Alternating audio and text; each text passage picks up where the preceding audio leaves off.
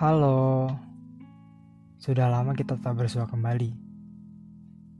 Balik lagi sama gue Axel dalam podcast Suara dan Rasa.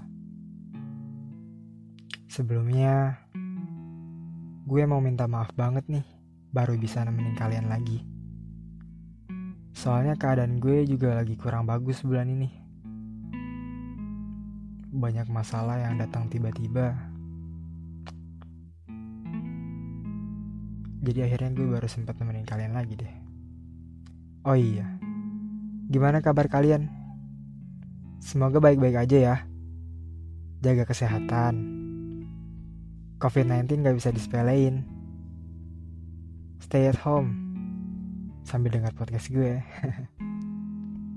Terima kasih untuk kalian yang masih jadi pendengar setia gue. Ya, gue ngerintis ini dari kecil kok gue sangat apresiasi buat kalian yang mau dengerin podcast gue. Langsung aja ya. Mungkin akan sedikit menyedihkan. Pernah gak sih kamu ditinggal waktu sayang-sayangnya? Atau malah kamu yang ninggalin? Aku paham banget kok rasanya ditinggal pas sayang-sayangnya itu kayak gimana Apalagi pasti dia bilang, kita cukup sampai di sini aja ya. Di situ tuh rasanya dunia berhenti sebentar. Pandangan kamu pasti kosong, seakan gak percaya ini terjadi. Bagaimana tidak? Ia yang kemarin anggap kamu sebagai manusia spesial, tapi hari ini malah membuat kamu ngerasa jadi manusia yang paling gak berguna di dunia ini. Ia yang pergi begitu aja, ninggalin kamu tanpa ada alasan yang jelas. Di situlah kamu patah, sejadi-jadinya.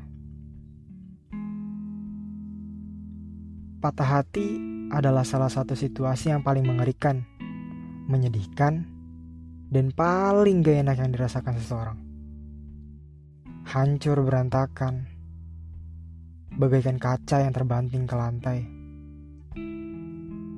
Berkeping-keping, berserakan di mana-mana. Sedih, kangen, sayang, marah, bingung, kaget, penyesalan, kecewa, tak lupa frustasi, dan sejuta perasaan lainnya bercampur aduk jadi satu menjadi ramuan yang membuat kamu merasa sakit teramat dalam dan ingin pergi sejauh-jauhnya. Kamu udah coba tuh buat kuatin diri kamu sendiri waktu masa patah hati ini. Kamu udah beberapa kali berteriak pada diri sendiri untuk bangun, bangkit, bertahan. Apa daya? Patah hati emang selalu menyakitkan. Cinta kamu terputus oleh harapannya sini yang kini sudah pupus. Rasa sakit yang datang bertubi-tubi membuat diri kamu lelah. Bukan hanya raga, tapi batin kamu juga. Kamu jatuh, hati kamu, jiwa kamu, mental kamu, fisik kamu, dan seluruhnya. Hei, kamu gak sendirian. Ada aku di sini yang paham keadaan kamu saat ini. Hanya rasa pedih di hati kamu yang menjadi pusat dalam hidup kamu. Aku paham kok. Gimana sedihnya kamu saat bangun tidur. Menatap langit-langit dengan pandangan yang kosong.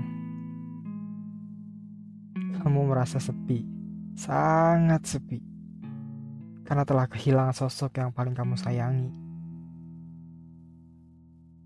yang membuat diri kamu seakan-akan hilang setengah jiwanya.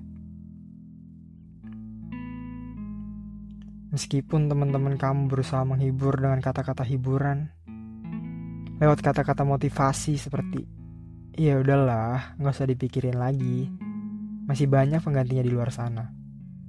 Luka lu pasti sembuh kok seiring berjalannya waktu. Tenang aja. Shit man, udahlah gak usah dipikirin. Namun itu terasa kayak nasihat omong kosong gitu loh. Bullshit doang. Karena kamu sama sekali gak ngerasa seperti itu. Bukannya merasa lebih baik, malah merasa lebih pedih, lebih perih, lebih teringat sama dia. Untuk kamu yang sedang merasa patah, nikmatilah masanya. Nikmatilah masa patah hati itu dan hadapilah. Bukannya malah lari dari kenyataan. Karena itu gak berguna sama sekali. Bahkan memperburuk keadaan, memperburuk kondisi hati kamu sendiri. Patah hati adalah pelajaran hidup. Kita nggak tahu apakah bisa merasakan kembali ke depannya. Aku harap sih jangan sampai ya. Jadi, pandanglah patah hati sebagai pelajaran, bukan sebagai musibah. Untukmu yang sedang patah,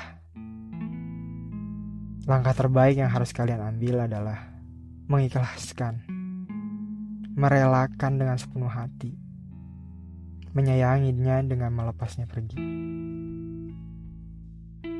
Kamu layak mendapatkan sosok yang lebih dari dia dia yang tak pernah menghargai setiap perjuanganmu. Itu gak pantas kamu miliki. Angkat kembali wajahmu. Bangkit dan berdirilah kembali. Keep it happy on your life. Gue Axel. Sampai bersua kembali di podcast selanjutnya.